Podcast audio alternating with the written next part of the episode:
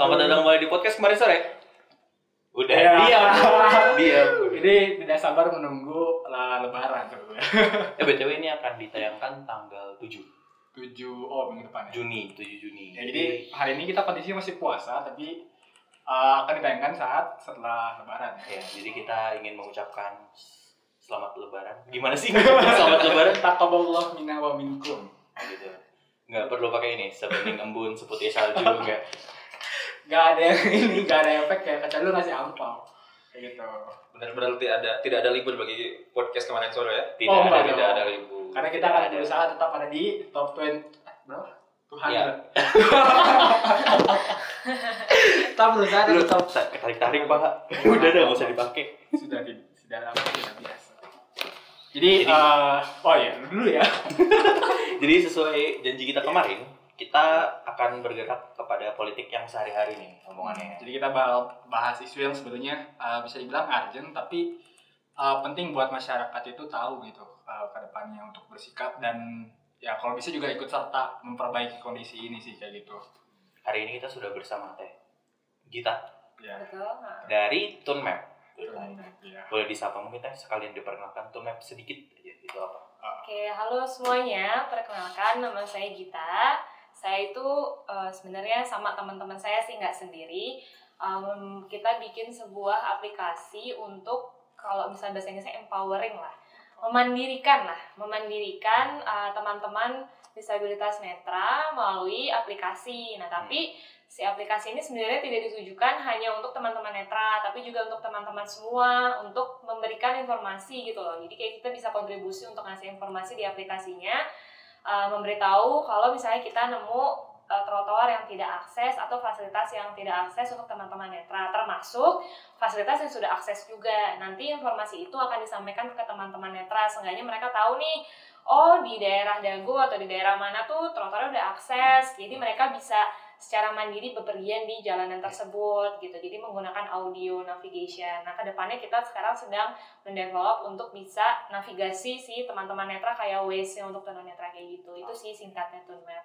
Oke. Eh, jadi hubungannya ini dengan Tunmap adalah kita pengen ngangkat isu pemenuhan hak eh, Disabilitas. hak ya, para teman-teman. penyandang Sebenarnya buat pengertian penggunaan kata disabilitas nanti mungkin diserahin ke Teh Gita aja, tapi kurang lebih kita pengen bahas upaya perlindungannya dari pemerintah, eh, keterlibatan warga dan lain-lain. Mungkin kita akan mulai dengan pertanyaan sederhana. Sudah sedekat apa sih Bandung dengan kota inklusif? Um, Oke, Bandung dengan Ban- kaitannya Bandung sama kota inklusif ya. Iya. Iya. Sebenarnya kota inklusif sendiri itu banyak banget komponennya. Jadi nggak cuma dari pemerintah doang, tapi juga harus dari masyarakatnya. Jadi selain harus ada mas partisipasi masyarakat yang tidak menentang terkaitnya adanya isu disabilitas ya. Jadi maksudnya dia tetap mendukung kalau misalnya teman-teman disabilitas bepergian atau mendapatkan pendidikan atau kerjaan itu dari masyarakatnya sendiri harus menciptakan sikap inklusif artinya tidak membeda-bedakan gitu antara teman-teman non disabel dan juga teman-teman disabel. Habis itu fasilitasnya ada atau enggak nih yang memenuhi untuk uh, teman-teman disabilitas untuk berkegiatan, akses atau enggak buat mereka. Habis itu baru terakhir ya pemerintahnya kan. Pemerintahnya juga harus dari segi peraturan, dari segi penyediaan fasilitas yang tadi gitu. Nah, kalau misalnya sekarang sih Kota Bandung sendiri sebenarnya dari pemerintahnya sudah menunjukkan uh, apa namanya progres yang positif menurut saya karena kalau dulu banget kalau misalnya kemarin-kemarin nih uh, kita udah bisa lihat beberapa trotoar misalnya contohnya itu bisa diper, udah diperbaiki sama teman uh, sama dari pemerintah uh, jadi trotoarnya sudah mulai akses mereka sudah lebih me- mementingkan pentingnya fungsi guiding block yang jalur kuning. Udah pada tahu kan ya fungsi jalur kuning ya Sudah. Ah, jadi jalur kuning uh, pemakaiannya. Karena uh, menurut uh, setelah kita cari kemarin-kemarin menurut dari app kita gitu ya report-report laporan-laporan yang masuk itu ternyata banyak sekali pemasangan yang masih salah Ya. pemasangan guiding blocknya yang masih salah nah sekarang tuh sudah sudah menuju ke situ terus sudah sudah apa namanya uh, pemerintah juga sudah mulai melibatkan komunitas-komunitas disabilitas untuk ikut memberikan pendapat ya terkait yang kayak kemarin misalnya fasilitasnya sudah terma- oh, sudah akses belum untuk mereka itu dari segi fasilitas. Kalau dari segi pendidikan uh, sebenarnya karena aku tidak terlalu menyentuh banyak terkait pendidikan, tapi bisa dibilang uh, mungkin sekarang masih kurang karena uh, kita tuh masih terbeda-bedakan terkotak-kotakan gitu loh jadi uh, sekolah yang khusus untuk misalnya netra atau misalnya teman-teman yang tidak bisa melihat gitu kan masih masih belum terlalu didukung untuk sekolah di sekolah SD negeri ataupun Oh, SMP oke. negeri itu kan masih kurang ya Iya. karena eh, apa namanya ya fasilitas yang disediakan kurang akses untuk mereka. Maksudnya contohnya kalau untuk teman-teman netra karena saya fokus di teman-teman disabilitas netra mungkin mereka butuh eh, teknologi yang akses. Artinya buku-buku online yang bisa dibacakan oleh laptop atau Hmm. mungkinnya buku braille eh, buku-buku braille yang ada braille itu masih sangat rendah banget gitu eh, si apa namanya si supply-nya gitu ya dari sekolah-sekolah jadi mungkin sudah ada ke arah situ memang tapi PR-nya masih banyak sih kalau untuk kota Bandung sendiri gitu karena ya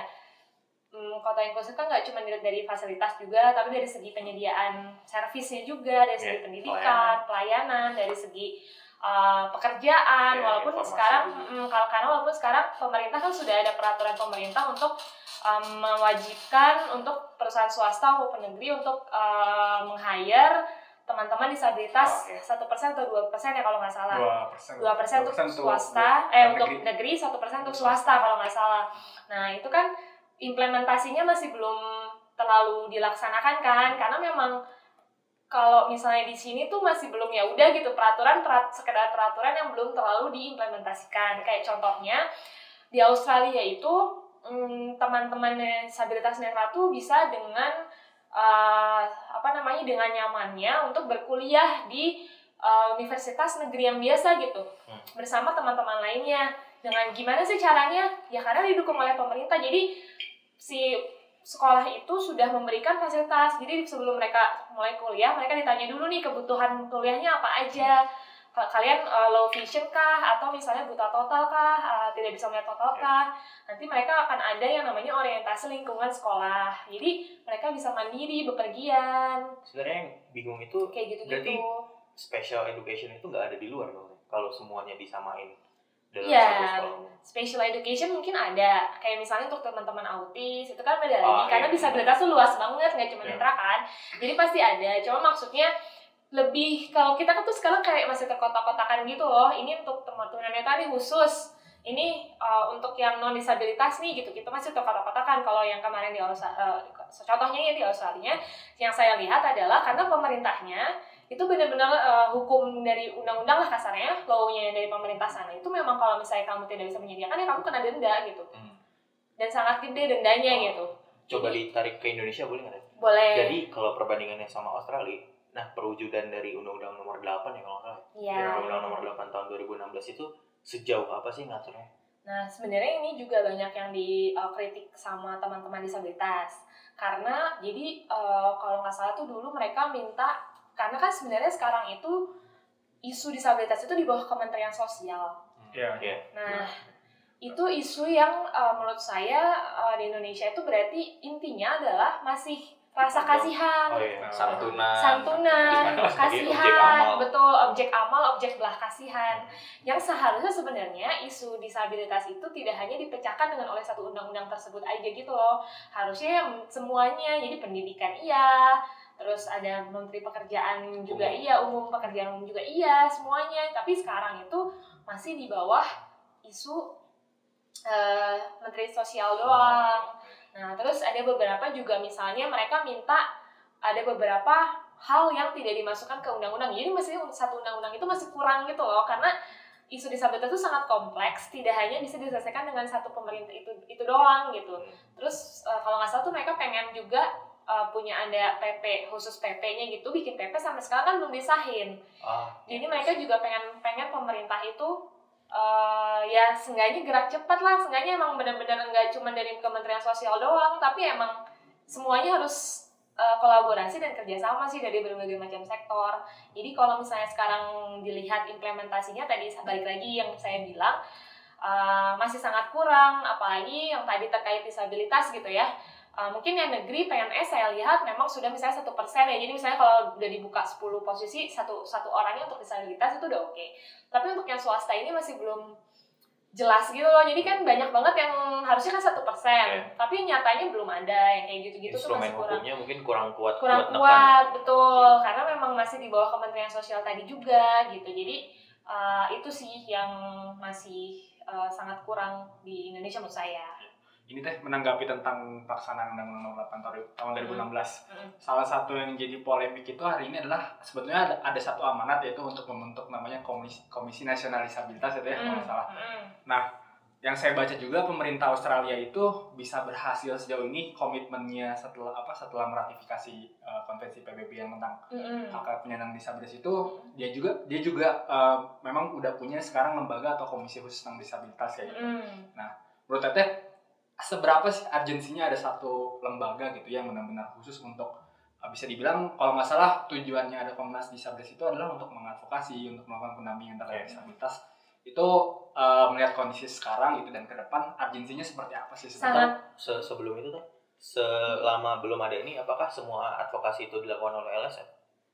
Uh, jadi sebelum ini tuh uh, kan ini undang-undang penyandang disabilitas 2016. Sebenarnya Iya. disabilitas itu munculnya baru baru akhir-akhir ini nama disabilitas. Sebelumnya tuh pemerintah bilangnya penyandang cacat, Hmm. atau ini teh bukannya dulu ini ya, apa difabel ya? difabel, Iya. penyandang ya penyandang Oh, cacat itu dan difabel. gitu. Jadi jadi uh, kata-kata disabilitas itu baru muncul ya tahu akhir-akhir ini doang. Jadi sebelumnya perbedaannya masih jauh banget gitu loh. Apa- Ah, maksudnya dengan kita ngomong penyandang cacat dan difabel itu tuh jadi kotaknya tambah gede. Kalau sekarang Iya. tuh kalau disabilitas tuh kan uh, ketidakmampuan ya. Jadi maksudnya uh, kita juga suatu saat dari non disabilitas bisa, Bisa menjadi jadi disabilitas disabilitas. kayak gitu. Nah jadi itu juga sudah ada intensi baik dari pemerintah untuk mengganti dari kata-kata yang penyandang cacat dan disabel itu jadi disabilitas. Nah jadi sebelum sebelumnya mereka tuh suaranya memang masih kurang, memang sudah ada gitu ya lembaga LSM atau apa-apa untuk yang membela mereka, tapi ya masih kurang kuat. Makanya tadi itu sangat penting kalau tadi ada yang namanya uh, Komnas Komisi Pembela uh, Hak Asasi untuk khusus untuk Penyandang disabilitas. karena contohnya tadi di Austria kan udah ada. Di Inggris juga sama. Bahkan mereka benar-benar khusus. Yang tunarungu mereka ada asosiasinya. Oh, yang- sendiri lagi. Iya, yang blind mereka ada asosiasinya. Dengan adanya itu, kayak misalnya saya, misalnya orang-orang yang bergerak atau yang concern di bidang disabilitas itu bisa langsung kerjasama gitu loh sama si Komnasnya untuk untuk bikin advokasi ke pemerintah yang lebih Iya. baik gitu. Itu lebih jalannya jadi lebih gampang gitu loh. Jadi misalnya kalau saya punya proyek terkait kayak misalnya teknologi asistif teknologi yang membantu tunanetra gitu ya dengan enaknya saya bisa langsung bilang ke Society for the Blind gitu ini saya punya dan mereka langsung bisa membantu ke pemerintah Oke. untuk Benar. pitching gitu jadi itu sangat urgensinya sangat penting sekali sih uh, untuk punya itu tapi kan sampai sekarang pemerintah belum gitu ya. Untuk untuk ngesahin PP juga pemerintah belum gitu ya. Apalagi untuk ngesahin yang komisinya itu. Jadi emang sangat urgent sih kebutuhannya. Berarti memang sekarang lebih banyak inisiatif dari Pemda ya dari daripada dari pusat? Atau untuk ini. gimana teh? gini kalau misalnya pemerintah itu kalau ngomongin pemerintah itu sebenarnya advokasinya sangat ribet ya. Jadi misalnya uh, tapi mereka maksudnya baik dalam artian saya tahu mereka kurang sumber daya kurang apa mereka punya niat baik tapi misalnya kurang sumber daya Betul, atau kurang. misalnya waktunya juga kurang gitu ya nah jadi saya contohnya aja misalnya pemerintah kota atau misalnya jalan provinsi sama jalan nasional sama jalan kota tuh beda loh Beda. Iya, ya kan? Nah, jadi ini contoh kecil advokasinya ya. Em, jadi contohnya teman-teman tunanetra itu banyak sekali berkegiatan di daerah jalannya provinsi, yang jalannya masih sangat jelek sekali gitu ya. Nah itu advokasinya itu tadi untuk itu tuh harus ke pemerintah provinsi, sedangkan mm, kita dekatnya bisa sama pemerintah kota gitu ya. Jadi pemerintah kotanya juga nggak langsung ke provinsi gitu loh. Jadi ribet banget ngerti nggak sih? Di dalam ya. panjang. Jadi jalannya tuh panjang. Nah tapi memang eh, sekarang sih sudah kalau dari kalau kita ngelihat Bandung sama Jawa Barat gitu ya sekarang sudah mulai ada maksudnya mereka udah kerjasama. Kayak misalnya yang contohnya yang jalan provinsi kemarin sudah ada omongan sama dinas provinsi untuk apa namanya ngobrolin bareng nih ada masalah di sini eh, di jalan provinsi ini nih banyak komplainan kalau di sini masih rusak bisa nggak dibenerin kayak gitu udah ada intensinya cuman tadi itu tadi memang masih berjalan sendiri-sendiri pemerintahnya jadi ya Bandung sendiri Pemkov, eh, Pemprov sendiri, nanti pemerintah nasional sendiri gitu. Entah nanti kalau di kota lain juga beda lagi gitu kan. Karena yang pegang proyeknya beda, Pak. Ya, Tidak bisa. Dan ganti kekuasaan juga. Tidak bisa dong. kontraktornya juga beda kan? ya, ya, ya. Kontraktor yang itu juga beda gitu. sih. Yang ngetok palu juga beda. Ya iya benar. Ini kita mau cari siapa lagi yang beda nih? Terus ini teh, eh, ini sedikit politiknya ya. Eh, terus juga karena tadi kondisi pelaksanaannya yang belum sangat menyuruh gitu ya, masih usaha apa ya perubahannya belum signifikan lah dengan adanya undang-undang ini. Eh, dari situ akhirnya ternyata banyak juga eh, para penyandang disabilitas itu yang akhirnya berangkat untuk akhirnya terjun ke politik karena merasa eh, mungkin kita perlu hadir di parlemen kali ya agar suara kita didengar dan agar eh, hak-hak kita atau yang kita butuhkan itu eh, benar-benar bisa tersuarakan. Mau minta pandangan teh kita nih, se- pe- eh, apa ya? Kira-kira efeknya bakal seperti apa sih kalau misalnya ada eh, keterlibatan apa teman-teman penyandang disabilitas di parlemen kayak gitu ke depan? Ba- bagus banget sih karena eh, kemarin juga ketemu ada Kang kalau di Bandung tuh eh, aktivis disabilitasnya politikusnya Kang Aden Kang Aden. Oh, yang yang kemarin Iya. ada di audit Benar. trotoar yang di eh, Kang Aden itu dia nyalon juga. Oh Jadi nyalon dia nyalon di juga di DPRD. salah satu partai betul. Karena sebenarnya gini sih eh, saya juga bikin ini contoh kecil ya saya bikin aplikasi itu nggak bisa kalau nggak nanya mereka. Karena yang pakai yang butuh mereka gitu. Iya. jadi yang tahu banget eh, kehidupan mereka sehari kan mereka sendiri ya. Nah ini sama juga dengan eh, politik atau undang-undang keterlibatan mereka dalam pembuatan undang-undang gitu. Karena kita tuh sebagai yang orang non disabel kita tuh nggak tahu sebenarnya kesulitan mereka yang paling nyata tuh di kehidupan mereka tuh apa gitu. Kayak misalnya eh, contohnya teman-teman di kursi roda gitu ya. Mereka misalnya butuh rem gitu. Nah kita nggak tahu misalnya remnya itu harusnya kalau bikin peraturan kan eh, pemerintah kan harusnya bikin ada ya standar-standarnya kan harusnya bikin gitu ya tapi kan kita ya udah bikin sesuai sama yang menurut kita benar. Belum tentu untuk mereka menurut kita Iya. benar menurut mereka eh, apa namanya cocok, gitu. karena mereka yang pakai gitu. Jadi memang keterlibatan itu sangat penting karena mau nggak mau mereka yang pakai. Contohnya ya eh, kalau di Bandung sih kemarin ini saya mengkritisi aja program-programnya tapi bukan berarti jelek ya. Eh, jadi eh, misalnya mereka membuat bus eh, inklusif gitu ya. Hmm, kalau menurut saya daripada bikin bus inklusif, kenapa nggak bikin semua bus yang bisa memang diakses untuk semua orang? Karena di situ kan ada interaksi yang terjadi antara kita non disabel dan juga orang disabel. Iya. Dan itu salah satu in- eh, instrumen kota inklusif Oh, kan? iya. Dari Adanya itu ya. Mengedukasi juga. Iya, untuk edukasi juga karena kita selain orang non disabel tuh melihat orang disabel untuk bepergian tuh kan sangat jarang. Karena memang nggak dibiasain sehari harinya gitu. Untuk apa namanya untuk ngelihat mereka bepergian secara mandiri gitu kan. Nah, jadinya eh, apa namanya itu kan mereka nggak nanya juga tuh sama teman-teman disabilitas. Jadinya kan bikin program yang wasting money, wasting time yang emang taunya nggak ber nggak terlalu Efek. efektif dan terlalu butuh kan jadi memang harus dilibatkan nah terus contohnya lagi taman inklusif mereka bikin taman inklusif juga sama mau kota-kota kan kenapa namanya taman inklusif kenapa nggak semua taman dijadiin inklusif aja beda kan ngerti nggak sih bedanya paham. Ah, jadi misalnya kenapa nggak bikin semua taman yang inklusif tapi malah bikin khusus taman inklusif padahal sebenarnya tamannya nggak inklusif juga karena nggak melibatkan Eh, te- ya, teman- Ya, setahu saya dilibatkan, tapi ternyata eh, implementasinya yang salah. Jadi saya dilibatin ide-idenya tuh ada gitu katanya. Jadi memang sangat penting sekali karena yang tahu kehidupan seharinya mereka, pendidikan, pekerjaan, mereka bisa melakukan apa. Misalnya contohnya kan beda ya kalau misalnya teman-teman netra misalnya be- be- bekerja di suatu perusahaan, mereka misalnya butuh fasilitas yang memang harus disediakan oleh eh, apa namanya oleh perusahaan.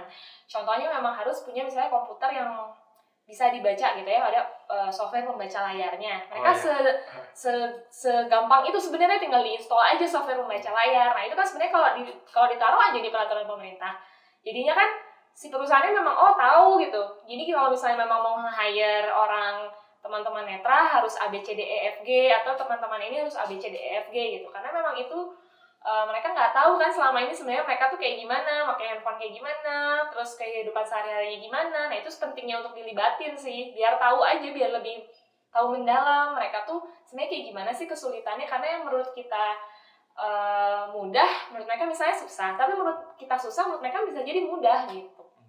Jadi memang salah satu instrumennya itu adalah mengintegrasikan mengintegrasikan fasilitas dis- fasilitas disabilitas itu memang bukan bukan oh ini ada satu gitu. Tapi memang untuk semuanya gitu ya. Benar-benar eh, apa mengintegrasikan apa fasilitas itu untuk semua untuk fasilitas semua orang. Untuk semua orang Nah, justru. karena karena kalau ke- kami dari Tunmap itu sangat percaya kalau misalnya teman-teman disabilitas sudah nyaman, kita juga Hmm. sebagai orang non disabilitas juga akan merasa nyaman gitu.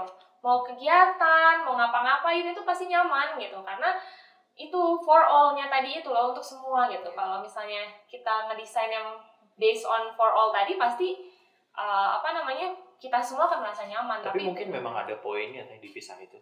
Kalau lu ke Skywalk ya yang di Ciamplas, ya. Itu kan liftnya buat semuanya ya. Hasilnya disabilitas nggak ada yang naik loh, orang biasa semua yang pakai lift. ya karena kurang diedukasi juga masyarakatnya itu tadi mungkin awareness memang Tapi ada tandanya. juga Iya. ada tandanya buat Semua disabilitas ada tandanya tapi malah orang yang itu ya Orang biasa yang naik. ya memang itu tadi kurang awarenessnya juga tadi itu tadi satu kan selain dari pemerintah juga eh kitanya juga kurang masih kurang aware gitu masih aneh untuk melihat namanya disabilitas untuk berkegiatan di jalan Saya tuh gitu pernah melihat ini kayak panduan untuk menilai satu kota itu inklusif apa enggak. Hmm. Nah, di penilaiannya itu dilibatkan tiga komponen tuh. Ada penyandang, ada LSM, dan ada pemerintah. Nah, berarti eh, keterlibatannya sejauh ini, penyandang dan LSM ini hanya sebagai evaluator gitu. Sejauh ini kalau misalnya kita lihat dari uh, yang sudah-sudah kebanyakan iya. Tapi mungkin mereka sebenarnya dia kita juga sering dilibatkan dalam perencanaannya. Tapi entah kenapa entah di mana yang salah implementasinya yang jadinya beda sama perencanaan gitu. Oh. nah jadi misalnya ya ide-idenya sudah masuk gitu ya dari teman-teman disabilitas Eh, saya butuh A butuh B. Eh, tapi ternyata implementasinya jadinya cuman uh, A sampai C doang gitu. Padahal uh, padahal inputannya A sampai Z kayak gitu-gitu. Nah jadi saya juga nggak ngerti tuh itu di mana nih salahnya gitu kan. Entah di uh, third party-nya kah atau ternyata emang dari pemerintahnya kurang memonitor saat ter- saat diimplementasikannya kah atau apanya saya juga masih nggak tahu tuh. Tapi eh, yang undang-undang tahun eh nomor 8 tahun 2016 itu aja. Misalnya dari berapa ratus pasal yang sudah di eh, input ke pemerintah dihilangkan kan berapa ratus pasal cuma jadi berapa ratus pasal gitu. Jadi setengahnya atau berapa persennya gitu. Jadi memang karena memang entah di mana yang salah apakah memang ada politik tersendiri kan nggak tahu juga. Jadi intinya uh, kemarin tuh banyak juga tuh banyak yang protes juga loh. Kok dari beberapa pasal eh berapa ratus pasal 250 pasal gitu jadi cuma 115 atau berapa gitu lupa. Pokoknya intinya jadi uh, beda aja gitu ya. Jadi maksudnya yang disahkan cuma segitu aja nah, kan? Jadi dan itu cuma ada satu UU lagi kan? Nggak ada lagi yang lain dan di bawah Kementerian Sosial lagi. Nah itu nggak tahu tuh yang salahnya di mana. Urgentnya Komnas mungkin mungkin mungkin di situ kali ya. Mm, urgentnya Komnas tuh iya. harus ada yang benar-benar punya kontrol mungkin ke Ya. sistemnya gitu. Ya yang yang benar-benar me- mengadvokasinya yang benar-benar menyuarakan terus loh kok ini gini gini gini? Kayak gitu. Terkait sama uh, Tunmap dan Komnas juga tuh. Tadi kan sempat disinggung tentang uh, ini ada di bawah Mensos dan lain-lain. Nah sebenarnya pendekatan melihat teman-teman bukan teman-teman ya karena disabilitas kan bisa siapa aja. Pendekatan melihat disabilitas ini sebagai objek amal ataupun subjek pembangunan itu cara membedakannya gimana sih? Karena kan Tunmap ini sebagai wadah pendidikan juga kan karena melibatkan masyarakat umum untuk membantu Mm-mm. uh, crowdsourcing informasi gitu. Cara membedakannya sebagai sebenarnya itu tadi kalau cara membedakannya mereka bukan sebagai objek tapi juga sebagai pelaksana adalah dengan membuat mereka untuk ikut berkegiatan dan memberikan masukan gitu loh Ah, itu kan kalau buat antara eh, teman-teman penyandang dan pemerintah. kan. Mm-mm. Kalau dengan masyarakat umum, sama sama saya juga sama jadi saya kan sebenarnya mereka beneficiary produk saya kasarnya gitu ya user ya, ah, be- beneficiary produk saya kan Uh, saya bisa aja membuat mereka sebagai objek. Hmm, menggunakan mereka misalnya dengan uh, cara eh ini gua aplikasinya buat tunanetra loh. Uh, apa namanya nggak ada lagi nih yang lain cuma buat tunanetra doang. Kasarnya tuh jadi mereka sebagai objek saya aja gitu. Objek dagang saya ke yang lain gitu. Jadi misalnya saya lagi pitching nih ke investor. Oh iya ini uh, beneficiary tunanetra oh iya bagus nih simbiola itu Hmm, tunanetra ya. ngerti kan Ya, jadi ya. sebagai objek nah tapi karena saya sebenarnya melibatkan komunitasnya mereka dalam kayak berkegiatan terus nyara, ny- nanya pendapat mereka feedback mereka sebaiknya kayak gimana itu aja udah udah menjadikan kita sebagai subjek juga gitu loh Hmm. ngerti nggak sih bedanya aku nggak takut nggak pada ngerti In- intinya itu sih tadi ada pelibatan di perencanaan, Iya, pelaksanaan betul. dan juga evaluasi ya. itu ya, heeh, jadi nggak yang cuman kayak bukan objek belas kasihan tuh ya udah kita bikin cuman kayak sekedar ini gue bikin buat lo nih udah aja Hmm. terus nanti akan ada harusnya akan ada evaluasi terus ada eh, dua arah lah kasarnya gitulah dua arah jadi misalnya kayak ini saya kami udah bikin program ini gitu atau kita bikin program ini gimana sudah implementasinya sudah sejauh apa kayak gitu gitu kan itu bukan proyek belah kasihan kan? Jadi mereka juga dilibatkan gitu. Tapi kalau misalnya kayak iya udah nih gue udah bikin loh oh, Oke. buat lo. Aktif nih aktif. Gitu Heeh. udah oke lah ya udah sil- silakan gitu. Itu kan sebenarnya sebagai objek jadinya gitu. Itu sih kalau menurut saya. Oh, ini ada. Oh, ini terakhir teh eh, tentang masyarakat lagi gitu kan. Salah satu sebenarnya yang membuat kita melihat paradigma yang timbul itu kan eh, para- paradigma yang timbul ketika kita merasa kasihan itu karena menurut saya kalau saya pribadi ngerasa karena bingung cara interaksi dengan teman-teman dengan Hmm. disabilitas. Jadi jatuhnya kita karena bingung ya udah kasihan aja jatuhnya gitu. Tapi padahal kan kita bisa aja membantu mereka untuk eh, ya tadi pemen- pemenuhan ya, haknya atau dan sebagainya gitu. Nah, gimana sih cara kita, cara sederhana kita untuk memulai biar kita nggak kaku lagi tuh, mudah berinteraksi, mudah apa ya, berkegiatan bareng dengan, apa dengan teman-teman penyandang disabilitas kayak gitu. itu itu yang susah sih emang. Iya. Eh, itu yang susah. Karena sebenarnya eh, harus terbiasa. Terus, harus terbiasa kan masalahnya tuh paradigma di kita tuh di masyarakat kita itu itu tadi terpisah-pisahan Hmm. jadi kita sangat jarang melihat mereka di kehidupan kita sehari-hari. Yang jarang kita banget. melihat mereka di bawah jembatan gitu kan. Iya. Yang yang yang sering kita lihat yang sering kita lihat justru ya itu justru jadi objek kenapa kemudian ada pemikiran kalau itu jadi objek santunan tuh karena kita melihatnya tidak di kehidupan sehari-hari tapi ya. Mm-mm, karena karena masih jarang banget melihat di kehidupan sehari-hari kan. Jadi sebenarnya eh, caranya salah satunya dengan cara memang harus mereka itu dilibatkan di banyak acara sih mau mau acara apa pun gitu. Eh, terus eh, ini sih sebenarnya itu susah ini susah banget ya karena isu ini tuh eh, melibatkan awareness dari masyarakat yang sangat amat luas.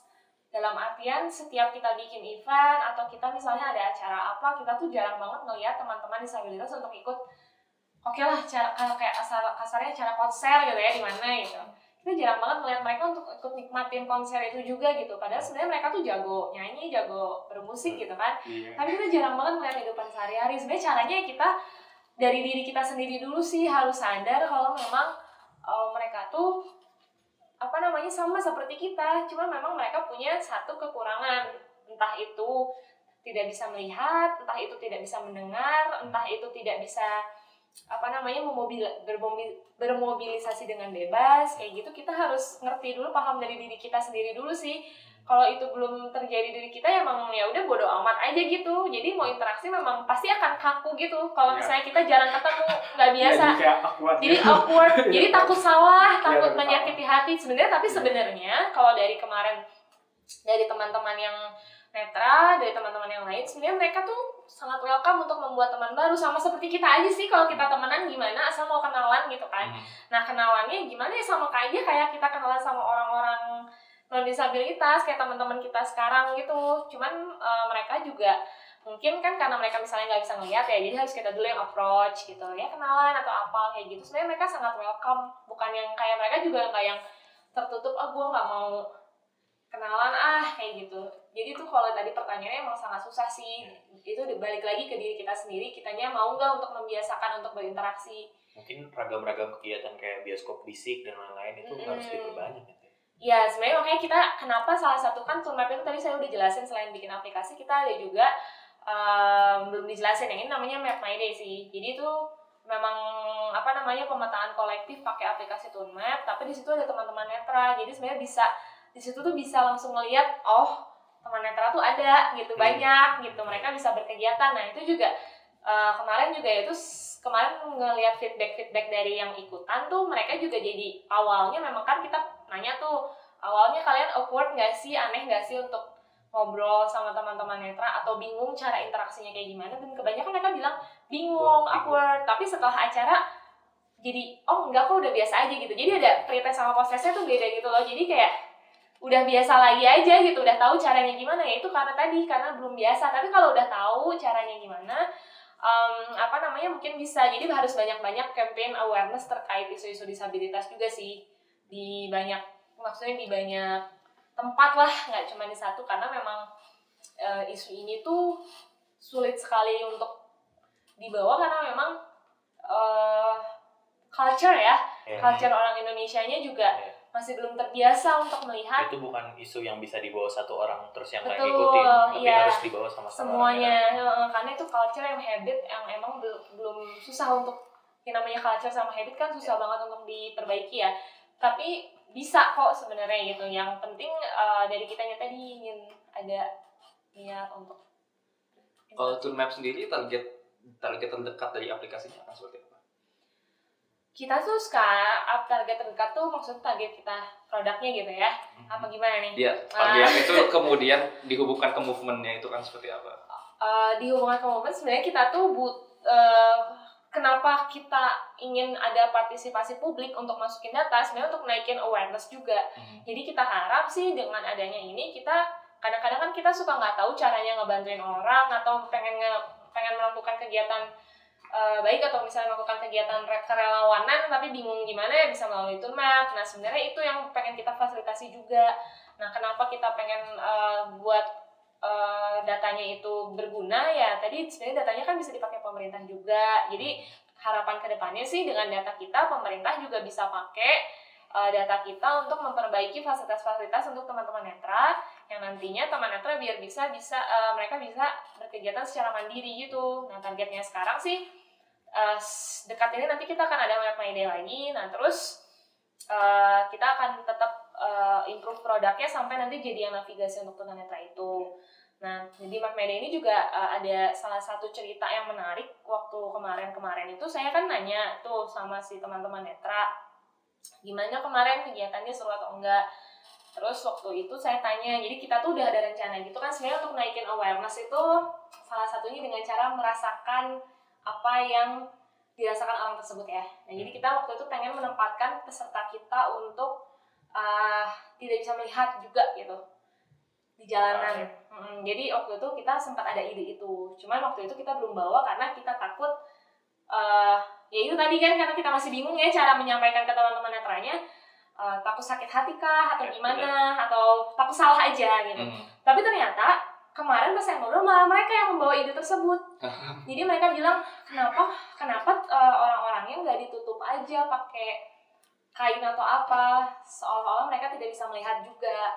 Terus saya terus saya tanya sebenarnya itu udah ada rencana seperti itu kemarin udah lama banget. Cuman apakah nggak apa-apa kayak gitu? Terus justru nggak apa-apa. Justru itu dengan cara salah satu cara untuk menaikkan rasa awareness. Iya rasa awareness rasa rasa apa ya? Empati. rasa empati rasa jadi tahu gitu menempatkan posisi kita tuh di tempat mereka tuh seperti apa sih untuk berjalan kaki sehari-hari di kota Bandung yang notabene masih belum terlalu akses untuk teman-teman netra gitu kan. Jadi malah mereka yang membawa isu tersebut.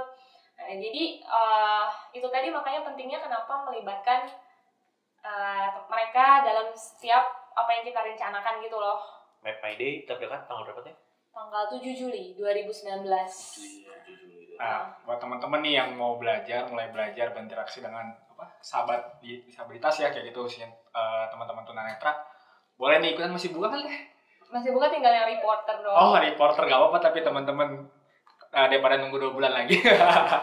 jadi kita Gitu. tuh dua bulan jadi sebenarnya eh, tadi targetnya ke depan itu si Map My Day-nya ada yang terbaru jadi kita pengennya awareness lebih naik lagi terus produk kita juga dipakai sama pemerintah dan juga bisa nyobain untuk mulai eh, si teman-teman netranya untuk pakai juga itu Oke. sih target ke depannya tadi Sebenarnya saya penasaran nih, Teh. Mm.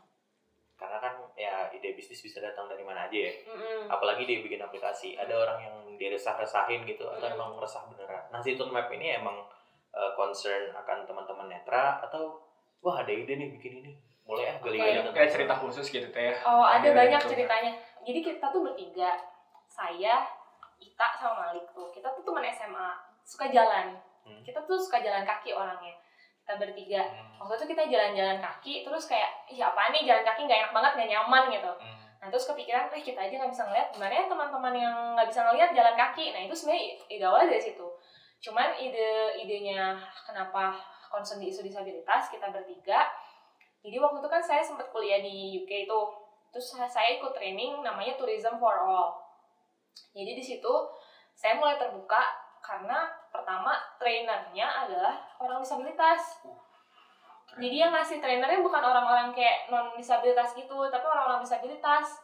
Mereka maksudnya ngasih trainer maksudnya saya mes aja gitu kok bisa jadi kayak maksudnya mereka bisa gitu ngasih tahu kita gimana gimana dengan segala keterbatasannya mereka gitu loh nah terus di situ saya mulai belajar adanya low vision adanya apa namanya eh, tunarungu tunadaksa yang kayak gitu gitu saya mulai belajar oh kalau di sini tuh ternyata memang terfasilitasi sekali gitu. Jadi misalnya kayak eh, fasilitas museumnya lah semuanya eh, itu sama sangat menunjang untuk mereka untuk men- menikmati juga. Waktu itu iseng-iseng lah saya pulang ke sini nyobain eh coba museum geologi akses nggak ya? Gitu kan di Bandung kan ada museum Hmm. geologi kan. Nah terus waktu itu saya sama Ita tuh pura-pura di kursi roda. Bisa gitu ya. pura-pura di kursi roda gitu buat nyobain. Jadi emang kita penasaran sepenasaran itu gitu. Karena iya kan mulai pertamanya dari jalan kaki itu terus saya dari UK juga ngerasain itu. Habis itu yuk kita cobain yuk kita akses aja. Jadi kita iseng-iseng bikin riset tentang aksesibilitas kota Bandung itu terkait pariwisatanya waktu itu. Oh udah gitu pertama ya pas kita masuk yang diliatin adalah uh, tatapan orang-orang ke kita gitu. Jadi kayak Kok bisa ada di sini? Iya, ini apaan nih? Kok ada di sini? Kayak gitu ngerasa ada suka ada ngerasa gitu kan. Ngeliatin dari bawah sampai atas apaan sih nih? Kok ada di sini? Gitu. Kayak gitu tuh kerasa banget. Nah kebayang gak sih orang-orang yang di kursi roda terus datang ke tempat umum mereka ngeliatin tatapan setiap hari kayak gitu? tatapan kayak gitu. Memang tatapan kayak gitu kan. Jadi kayak aku aja nggak nyaman. Walaupun sebenarnya kita nggak nggak sepenuh nggak beneran itu ya nggak beneran di kursi roda. Cuma kita aja nggak nyaman ya juga kebayang aja kalau yang teman-teman netra masih ada untungnya mereka nggak ngelihat tatapan itu Iya. loh. Kalau yang di kursi roda se, se, seditatap itu kita maksudnya kayak kita ya udah bodo amat muterin gitu ya. Terus kita cobain liftnya ya ampun masya allah liftnya itu kecil sekali. Jadi harusnya bisa buat dua orang gitu ya. Itu benar-benar satu orang di kursi roda doang udah jadi sendirian nggak ada pendampingnya nggak ada apa. Dan itu pas-pasan banget. Jadi kalau kita pakai kursi roda kita kan gede waktu itu bawahnya. Nggak cukup. Iya. Dipindah dulu ke kursi roda yang ada di museum geologi. Seenggak akses itu loh. Kebayang gak sih seenggak nyamannya keluarganya kalau mau jalan-jalan di kota Bandung? Nah awal mulai tuh dari situ. Nah habis itu eh, ya itu ide awalnya ini kayaknya kita harus membuat sesuatu yang biar bisa akses nih gitu kan. Ide awalnya kayak gitu. Jadi karena kita ngerasain nggak akses. Terus ketemulah sama si Malik ini orang geologi. Dia sukanya ngelakuin pemetaan kan kalau geologi ya. Iya. bikin peta GIS yang gitu-gitu kan. Nah jadi kita gabungin ide gue concern di isu ini terus eh, misalnya enaknya di apa ini gitu. Ya udah munculnya sih tuh ini. Jadi emang emang dari ya itu dari diri kita sendiri kan. Tadi balik lagi dari kita sendiri aja. Jadi pertama suka jalan terus memang kita ngelihat di sini masih kurang acceptable sama orang-orang disabilitas jadi muncullah ide. Map ini sih sebenarnya harapannya biar banyak orang yang emang seenggaknya nggak awkward aja sih kalau ketemu tunanetra karena masih awkward banget gitu kayak aduh gimana mau mau salaman sa- gimana caranya mau salaman gitu mau nyapa gimana caranya nyapa kayak gitu gitu kan masih nggak tahu gitu sih Bahkan kalau jalan-jalan ke mall naik kursi roda itu disuruh lewat lift bareng. gitu. betul Wadidaw. Muter ke belakang, Pak. Iya, iya, Buat tahu. parkiran. Iya. Tapi maksudnya jadi kayak ya dibedakan kan gitu, dibedakan banget. Iya, jadi maksudnya kayak nggak biasa orang-orang kita nggak biasa untuk melihat uh, teman-teman netra atau apa uh, berkegiatan sehari-hari di mall jarang banget kan ngelihat Hmm. di mall atau di mana. Tapi uh, untungnya ada beberapa teman-teman netra kuliah di beberapa universitas negeri kayak UPI, Iya. UPI, terus ada ada yang di Unpar, Hmm. swasta, Mang Jaya. Iya. Cuma memang kesulitannya apa? Yang mengakses bukunya susah, Hmm. ujiannya belum terakses, mereka Ya. harus susah payah cari orang untuk ngebantuin ngebacain mereka. Terus habis itu ya effortnya mereka untuk kuliah di kuliah dengan kita bersama itu mungkin empat kali lipat lebih gede ya. Ya. ya lebih lebih gede banget dari maksudnya kita. Memang kita juga kuliah udah susah ya. Ya. Mhm. udah maksudnya kayak ujian aja udah liar gitu ya. Sedangkan mereka benar-benar ngandelin yang ngandelin pendengaran aja. Misalnya kalau yang teman-teman netra ngandelin pendengaran terus ngandelin eh, apa namanya ing- ingatan, Ingatan. banget nggak ngeliat sama sekali kan benar-benar itu. Jadi mereka kuliah emang effortnya harus lebih banyak. Nah itu tadi yang memang makanya banyak juga yang putus sekolah kan kalau misalnya kita ngelihat eh, apa namanya presentase orang disabilitas yang mengenyam pendidikan di atas SMA tuh masih dikit sekali ya di Indonesia. Presentasi yang masuk ke lapangan pekerjaan pun masih sedikit sekali ya itu karena memang mereka untuk mengakses pendidikan pun masih susah. Jadi kalau kalau ngomongin isu disabilitas tuh lebar banget dari mulai fasilitas yang tidak akses dari mulai layanan yang masih belum akses jadi it's complicated Bahkan kalau mau dibalik lagi ngomongin pendidikan, biasanya solusi dari pemerintah adalah ngasih pelatihan skill. Disuruh belajar jahit, disuruh belajar ini. betul makanya kan Padahal banyak banget Belum tentu minatnya. iya belajar pijet belajar iya Nah, iya benar. pijat, shiatsu gitu gitu kan, panti pijat eh, teman-teman netra gitu. Padahal sebenarnya dengan adanya teknologi sekarang tuh mereka bisa jadi kode coding lah, tukang coding atau marketer online atau misalnya mereka bisa buka bisnis sendiri yang kayak gitu itu sebenarnya masih bisa banget. Eh, itu tadi sih awarenessnya both dari pemerintah dan juga dari masyarakat itu masih sangat amat kurang sih. Oh. Boleh mungkin teh sekalian di kalau mau teman-teman mau mau kalau teman-teman mau tahu tentang Map My Day atau kegiatan lain dari Tour Map bisa dilihat di mana? Di, kita tuh banyak postingnya di sosial media Instagram @tunmap.id. Kalau pendaftarannya bisa diakses di bit.ly garis miring MMD gede semua April. Ya, itu ada di Eh Juni, Juli sorry MMD Jul ya. Ju. Jul J U L. Tapi bisa dilihat di Instagramnya lah biar nggak di salah. Nah, pokoknya di Instagramnya kita banyak uh, postingan di Instagramnya. Gitu sih. Yaudah. tadi yang buka siapa Oh iya, gue juga itu. Ya jadi karena saya yang buka, saya yang nutup. Demikian podcast ini ditutup. Terima kasih Teh Gita sudah datang. Sampai jumpa di Ya, episode sama-sama. podcast Kemarin Sari selanjutnya. see you sih ya Thank you kita datang sini